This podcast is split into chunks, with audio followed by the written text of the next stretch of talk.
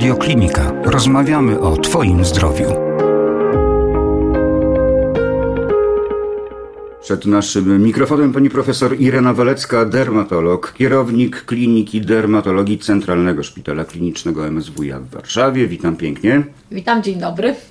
Tematem naszej rozmowy będzie czerniak. Jakiego rodzaju chorobą jest czerniak? Przede wszystkim bardzo niebezpieczną, bardzo groźną i podstępną. I myślę, że to jest to, na co powinniśmy zwracać uwagę. Czyli tak naprawdę każda pojawiająca się nagle czarna kropka powinna natychmiast wzbudzić w nas niepokój i naprawdę nie ma, że tak powiem, głupich pytań, w związku z czym należy absolutnie od razu się zgłosić przede wszystkim do lekarza pierwszego kontaktu, ponieważ ci specjaliści również są już w jakiś sposób przeszkoleni, przynajmniej w weryfikacji, czy jest to coś groźnego, czy nie, a dalej ewentualnie pokierują do dermatologa.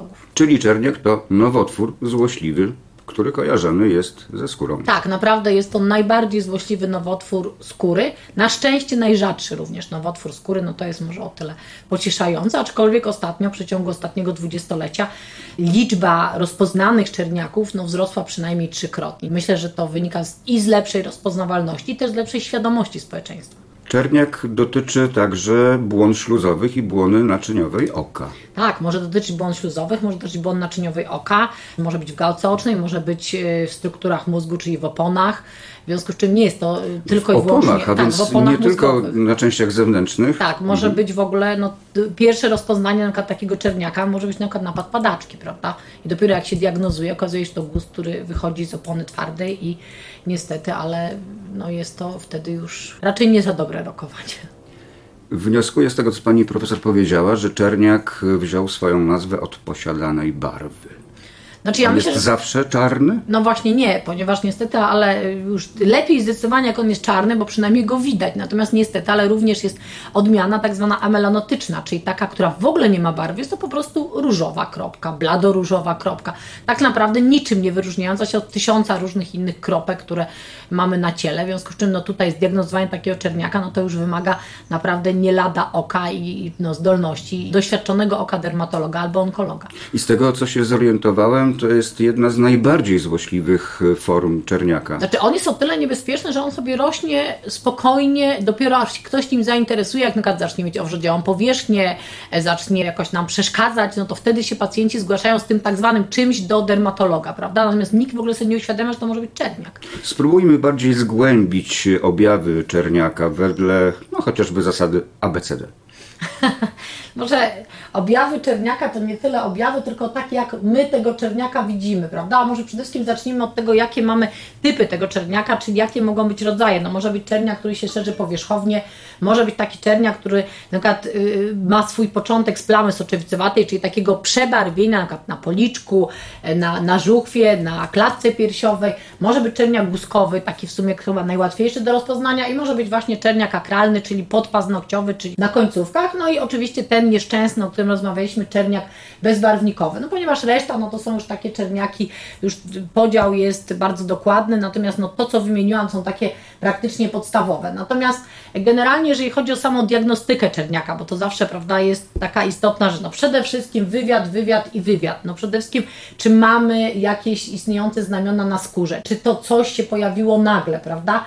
Jak często w dzieciństwie byliśmy oparzeni. To jest bardzo istotna również informacja dla nas, dlatego że niestety oparzenie w dzieciństwie jest takim czynnikiem, który jest no, rokujący źle w przyszłości, jeżeli chodzi o czerniaka. A dlaczego? Czy często, dlatego, że skóra dziecka jest bardzo wrażliwa i naprawa DNA jest zdecydowanie gorsza. Dzieci mają dużo bardziej wrażliwą skórę i niestety, ale właśnie taki efekt oparzeń, czyli tej takiej no, nie do końca od, prawidłowej odbudowy powoduje później, że w przyszłości może, może być czerniak. Czy dobrze rozumiem, że ekspozycja na światło ultrafioletowe uszkadza DNA? Tak, I czerniak może mieć swoje korzenie właśnie w uszkodzonym DNA? Znaczy jak najbardziej, dlatego że przede wszystkim to genetyczne, czyli nie ma pewnych, pewnych funkcji naprawczych, które powinny być i niestety, ale jak ich nie ma, to stąd uważany jest czerniak jest nowotworem genetycznym, ponieważ no, zdecydowanie częściej występuje w rodzinach, u których matka czy ojciec mieli czerniaka, prawda? No E, dlaczego To, y, taki przedział czasowy duży jest, że jeżeli w dzieciństwie ulegną A uszkodzeniu... tego to, tego to panie redaktorze to nikt nie wie, ale niestety tak jest, że właśnie oparzenia w dzieciństwie, powtarzające się oparzenia i częste ekspozycje słoneczne powodują to, że ta naprawa jest coraz gorsza tego DNA i no i z czasem niestety, ale zaczyna być niekontrolowany rozrost komórek melanocytowych, które no, są początkiem dla czerniaka. Natomiast no, poza oczywiście, tak jak powiedzieliśmy, tą genetyką, to jeszcze właśnie te uwarunkowania środowiskowe, czyli te częste narażenie na ekspozycję UV, prawda, to jest kolejne. Później zamieszkiwanie, prawda, tych wszystkich stref równikowych. To są również pacjenci, którzy na przykład z powodu innych chorób, typu łuszczycy, na przykład mają naświetlania metodą PUWA, czyli częściej dostają, prawda, względów leczniczych takie UV. Również pacjenci, którzy są na immunosupresji po przeszczepach serca, po przeszczepach szpiku, po przeszczepach wątroby, prawda. U tych pacjentów ta ciągła immunosupresja powoduje powoduje obniżenie odporności, również zaburzenie tych funkcji naprawczych, prawda, układu immunologicznego. No i oczywiście, jeżeli wystąpił u pacjenta, był czerniak w przeszłości, to również jest źle rokowniczo. I jeszcze jedno, te liczne znamiona melanocytowe, takie atypowe znamiona, czyli taki zespół znamion atypowych, to są również niestety, ale kandydaci w przyszłości do czerniaka. I takich pacjentów oglądamy zdecydowanie częściej i każdą taką zmianę podejrzaną, atypową, jeżeli są możliwości, to, to się wycina, żeby no nie, nie stwarzać niebezpieczeństwa. Padło tutaj określenie melanocyty. Może powiedzmy, co to są melanocyty i jakie to ma przełożenie na czerniaka? No melanocyty są komórki, które wytwarzają barwnik i właśnie ponieważ no, uważa się, że, że czerniak jest nowotworem wywodzącym się, czy nie uważa się tego, czerniak jest nowotworem wywodzących się właśnie z tych komórek, to niestety ich niekontrolowany rozrost no, po, powoduje prawda, powstawanie czerniaka. Melanocyty spotykamy także w błonie naczyniowej oka, o czym tak, już tam tak, tak, jak najbardziej. Właśnie ale, w oponie twardej. Mm, ale i w uchu wewnętrznym, Mogą dokładnie być. w ślimaku. Mm -hmm. Tak jak pani profesor wspomniała, w oponach y, mózgowo-rdzeniowych, czyli tak jak powiedzieliśmy, podkreślmy to, czerniak może również rozwijać się w tamtych obszarach. No niestety jest groźny, ponieważ są takie obszary, które rzadziej oglądamy. W ogóle na przykład samo lokalizacja na przykład w paznokciach, czyli ten tak zwany czernik akralny, jest o tyle niebezpieczny, że większość kobiet nosi manikur, ma pomalowane paznokcie i czasami jest no, ale tak, nie że, wiecznie. No ale właśnie nie no, hybryda jest tak zwana wieczna, bo się jedną zdejmuje, a drugą nakłada. Czasami jest tak, że przychodzimy, pani zakłada nam manikurska hybrydę, my sobie czytamy gazetę, pani nie zwróci uwagę na czarną plamkę i ta plamka tam sobie rośnie, aż w końcu w pewnym momencie tak pęka paznokieć, czy zaczyna się podnosić, no coś się zaczyna dziać i okazuje się, że już, już pacjentka ma zaawansowanego czerniaka. Nawet ubiegam pytanie pana następne pewnie, czy hybryda może być niebezpieczna ze względu na tak. naświetlanie UV. Czyta pani w moich myślach. Tak, czytam w pana myślach. Nie ma do końca takich prac, aczkolwiek wydaje się, że zdecydowanie bez, bezpiecznie jest używać zamiast lamp UV lamp LEDowych. W chwili obecnej są takie lampy, one są bezpieczniejsze. Natomiast nie ma pracy, które by w 100% potwierdzały no, groźby jak gdyby tego manikuru hybrydowego, ale myślę, że ten manikur hybrydowy jeszcze za krótko funkcjonuje, bo prace kohortowane takie na dużych populacjach, no to można zrobić po jakimś czasie. Wspomniała Pani Profesor, że czerniak rozwija się w miejscu znamion, ale to też nie do końca prawda, gdyż choroba może pojawiać się też e, na zdrowej W ogóle skórze. 60% czerniaków pojawia się de novo, czyli to jest to, co powiedziałam na wstępie, że wracamy po wakacjach i nagle pojawia nam się mała czarna kropka, której nigdy wcześniej nie było. I to jest najczęstszy czerniak. I to 60% czerniaków właśnie taki na szczęście, jak jest ta mała kropka i ją szybko zdiagnozujemy, czyli tak zwanego czerniaka in situ, czyli który jeszcze nie przekroczył błony podstawnej, to praktycznie uważa się, że wycięcie plus potem docięcie, bo obowiązkowo przy leczeniu czerniaka musimy dociąć z odpowiednim marginesem, praktycznie jest w 100% leczące. Oczywiście w medycynie nigdy nie ma 100%, w związku z czym załóżmy te 98%, ale generalnie jest to najbardziej e, optymistyczna sytuacja, jaka może wystąpić w przypadku, jeżeli w ogóle można mówić optymistycznie o czerniaku. Teraz spróbujmy zobrazować pewien proces. Czerniak instatu nascendi w momencie powstawania. Po prostu niekontrolowany rozrost komórek, no, który gdzieś tam się wyrwał spod kontroli układu odpornościowego i ten rozrost powoduje to, że mamy no, przechodzenie komórek do warstw, których on być nie powinien, prawda? W związku z czym mamy to rozrost wertykalny czerniaka i niestety, ale no jeżeli to jest niezatrzymane w odpowiednim momencie, czy nie wycięte, no to ten wzrost jest coraz głębiej, coraz głębiej. Mamy do czynienia z, z kolejnymi stadiami czerniaka, czyli z naciekaniem, prawda? I tutaj mamy określone stopnie według Breslau, czy według Clarka, prawda? No według Breslaua części, to jest jak gdyby głębokość naciekania w głąb czerniaka. No i oczywiście czym głębiej nacieka, to tym jest to bardziej niebezpieczne i tym cały zabieg jak gdyby usunięcia tej zmiany jest bardziej radykalny, no i mniej korzystny dla pacjenta. Ten rozrost następuje w jakimś ekspresowym tempie, czy rozłożony jest... No niestety, ale czerniak rośnie dość szybko, w związku z czym tutaj, no tak, tak po różnicze czasami w ciągu pół roku może być naprawdę no, radykalna zmiana, jeżeli chodzi o głębokość nacieku. W związku z czym jak widzimy, mamy bardzo dobre w tej chwili super narzędzia diagnostyczne, mamy dermoskopię, czyli coś takiego, co oglądamy, taką lupę jak gdyby w dziesięciokrotnym powiększeniu, gdzie oglądamy zmianę. Jeżeli ta zmiana nam się nie podoba, mamy wideodermoskopię, gdzie poprawiamy czułość, no przynajmniej o 30-40%, gdzie oglądamy tego czerniaka i już możemy na podstawie wideodermoskopii uznać, czy to jest, y, no, czy to jest czerniak, czy nie, z bardzo dużym prawdopodobieństwem. Natomiast kolejny y, sprzęt, który mamy, jest to mikroskopia konfokalna, gdzie praktycznie tak naprawdę z czułością i z, y, z specyficznością prawie 100% i z jak gdyby taką korelacją z badaniem histopatologicznym prawie 100% możemy potwierdzić, że to jest czerniak. Bo oczywiście złotym standardem jest zawsze histopatologia, czyli wycięcie zmiany. A czy można pomylić czerniaka z czymś innym? Czy pomylić, może nie, nie tyle, tylko na szczęście to, to, to są z Wykluczyć. Można, tak, mo, można pomylić z brudawką ojotokową, można pomylić y, z rakiem podstawno-komórkowym barwnikowym, można pomylić ze znamieniem łagodnym, ze znamieniem atypowym. No oczywiście można pomylić z wieloma rzeczami, ale ja myślę, że jak już ktoś no, jest dermatologiem i ma w miarę sprawne oko, to nawet młodsi dermatolodzy, jak mają wątpliwości, z reguły pytają starszy, tak jak zawsze pytamy, prawda? E, osoby starsze i myślę, że mając taka, taką ilość narzędzi, no to już na każdym etapie wszyscy się nie pomylą. Źródła podają, że aż stukrotnie zwiększa się ryzyko zachorowania na czerniaka przy tak zwanej skórze pergaminowej. Dlaczego? Tak, no ale to jest zespół genetyczny, to jest taka mutacja genetyczna, gdzie nie mamy w ogóle e, mechanizmów naprawczych. To jest y, zespół taksrodermia pigmentozum, gdzie praktycznie rozpoznany u małego dziecka. Szczęście, jak jest rozpoznany i czym wcześniej rozpoznany, tym lepiej. I wtedy jest to, są to pacjenci, którzy muszą mieć absolutnie stuprocentową fotoprotekcję, czyli zero w ogóle słońca, ponieważ dla nich każde zderzenie z UV, czy każde naświetlanie powoduje powoduje bądź raka podstawno-komórkowego, bądź kolczysto-komórkowego, bądź czerniaka. Po prostu u tych ludzi nie ma tych indywidualnych systemów naprawczych. Ten system autoimmunologiczny niestety, ale jest no, uszkodzony i ta skóra nie umie się bronić przed słońcem rokowania dotyczące wyleczenia? Znaczy tak, no przede wszystkim po wycięciu, pierwsze tak zwane wycięcie, sprawdzamy jaki, jaka jest głębokość To jest jedyna metoda pozbycia tak, się czerniaka. w ogóle jeżeli wycięcie, chodzi tak? o czerniaka jest absolutnie wycięcie. No oczywiście chyba, że jest to czerniak już rozsiany, z rozsiewem pełnym, prawda, no to wtedy jak gdyby nie ma możliwości wycięcia wszystkich ognisk, gdzie nam posiał czerniak. Natomiast generalnie wycinamy, i po wycięciu histopatolog ocenia, jaki to jest czerniak. Czy to jest in situ, czy to jest PT1A, PT1B, czy to jest PT2A, czy PT2B, etc. I w zależności od tego, jaka to jest, jaki to jest czerniak, to mamy kolejne postępowanie. Zawsze przy czerniaku jest tak, że wycinamy zmianę pierwotną, po czym ją docinamy, w zależności od tego, jaka jest głębokość nacieku, no ten regines jest 1 albo tam pół centymetra przy in situ, albo 1 albo 2 centymetry no przy tych bardziej zaawansowanych czerniakach.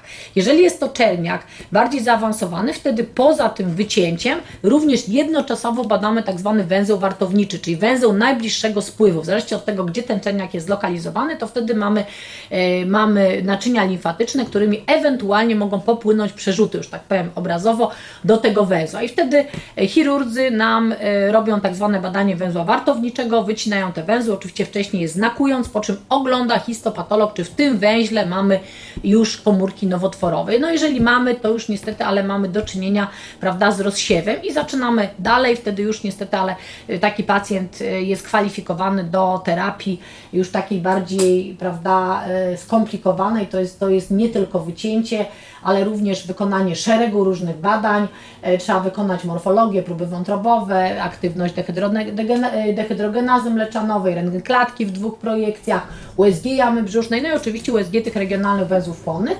I plus dodatkowo, jeżeli to jest jeszcze bardziej zaawansowane, to wtedy tomografię, czy miednicy, czy, czy, czy, prawda, czy, czy, czy, czy brzucha, w zależności od tego, jaka jest lokalizacja czerniaka i wtedy idziemy dalej już do leczenia ogólnego, prawda? A jeszcze zatrzymałbym się na chwilę przy węzłach chłonnych. Czy wycięcie węzłów chłonnych zablokuje rozsiewanie się czerniaka? Znaczy, tego, tego jak gdyby do końca trudno powiedzieć, dlatego że my de facto wiemy tu i teraz, że jest przerzut w tym węźle, a czy on nie poszedł dalej, to my już tego nie wiemy, prawda? Natomiast generalnie po to jest ta kontrola, po to jest nadzór, Natomiast są pewne stopnie zaawansowane, właśnie to co mówiłam, te P1A, P1, PT1A, PT1B, później mamy ten nodulus, czyli zajęcie węzłów, mamy, e, prawda, i mamy przerzuty odległe i mając te wszystkie stopnie kwalifikacji, już wtedy są określone standardy medyczne.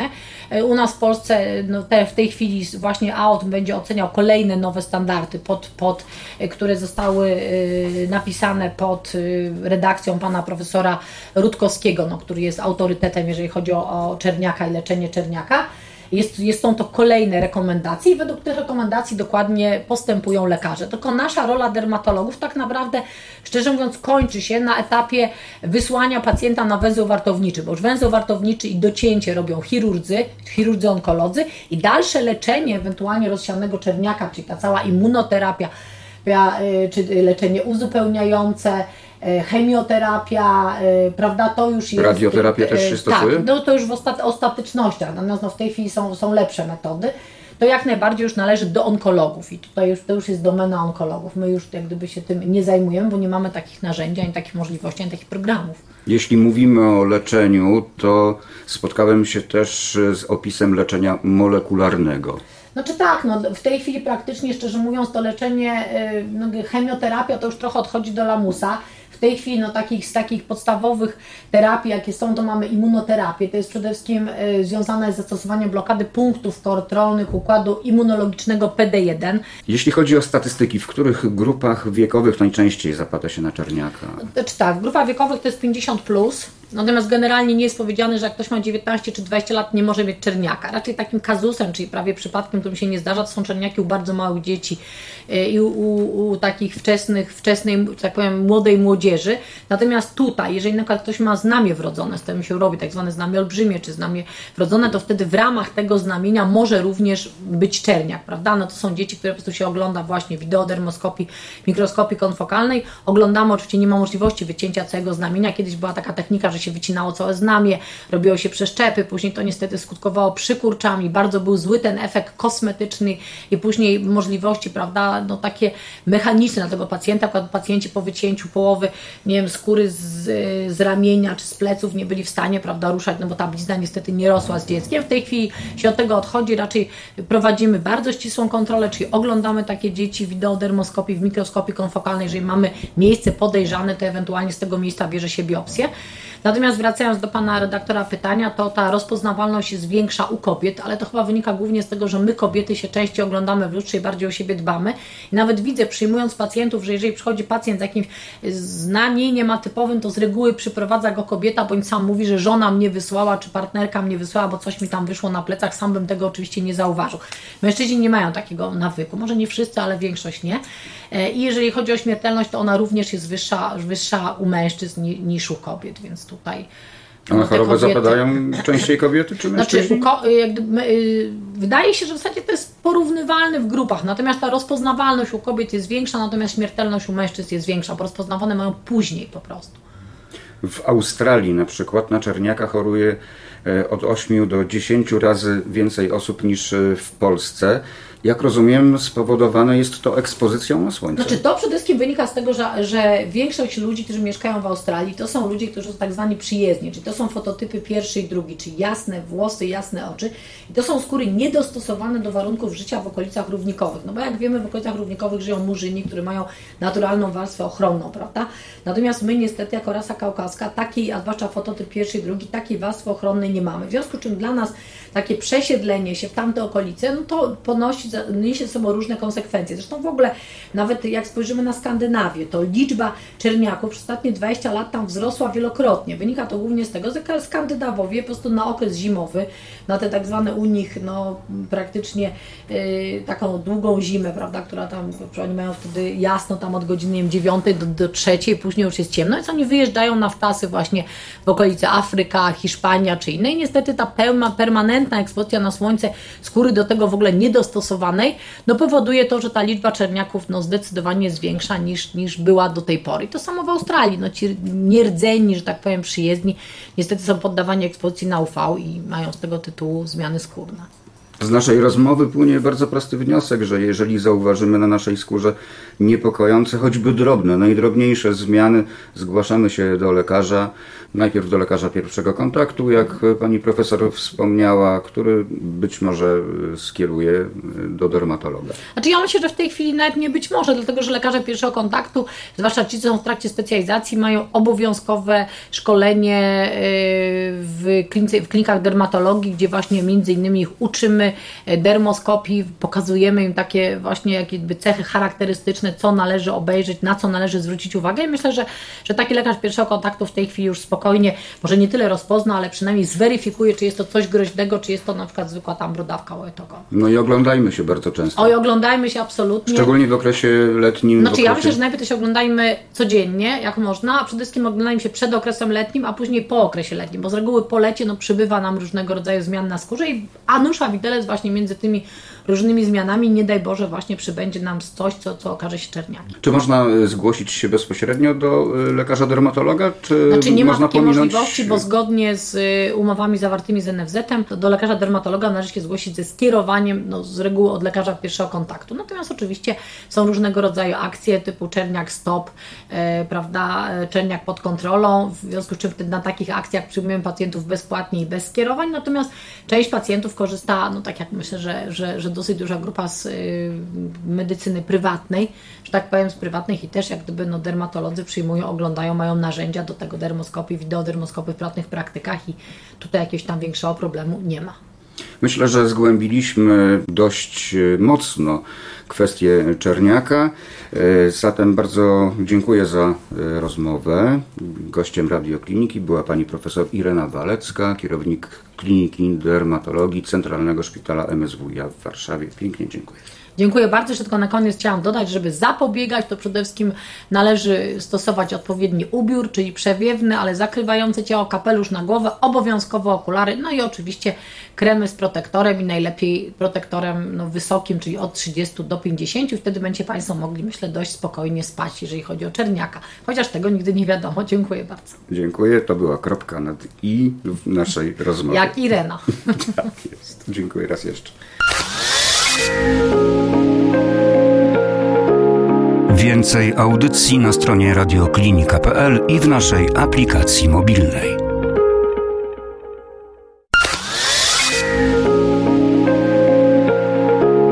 Więcej audycji na stronie radioklinika.pl i w naszej aplikacji mobilnej.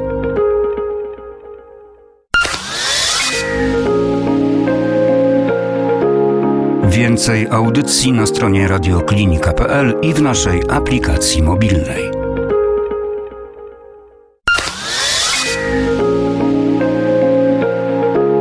Więcej audycji na stronie radioklinika.pl i w naszej aplikacji mobilnej.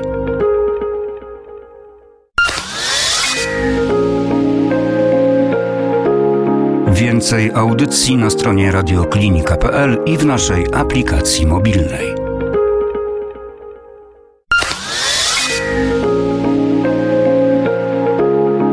Więcej audycji na stronie radioklinika.pl i w naszej aplikacji mobilnej.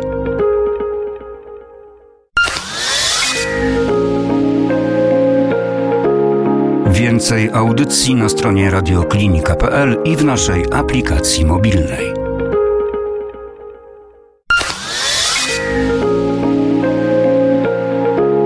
Więcej audycji na stronie radioklinika.pl i w naszej aplikacji mobilnej.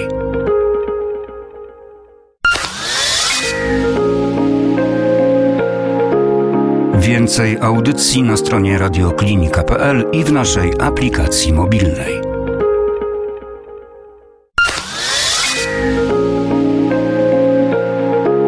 Więcej audycji na stronie radioklinika.pl i w naszej aplikacji mobilnej.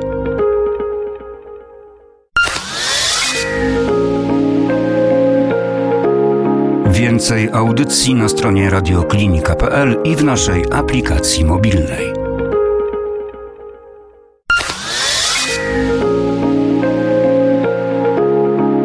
Więcej audycji na stronie radioklinika.pl i w naszej aplikacji mobilnej.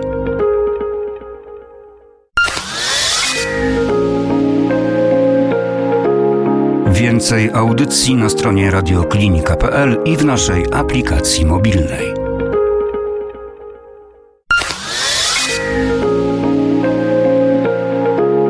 Więcej audycji na stronie radioklinika.pl i w naszej aplikacji mobilnej.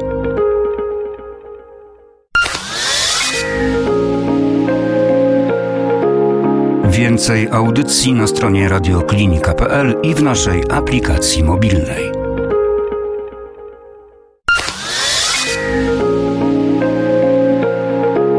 Więcej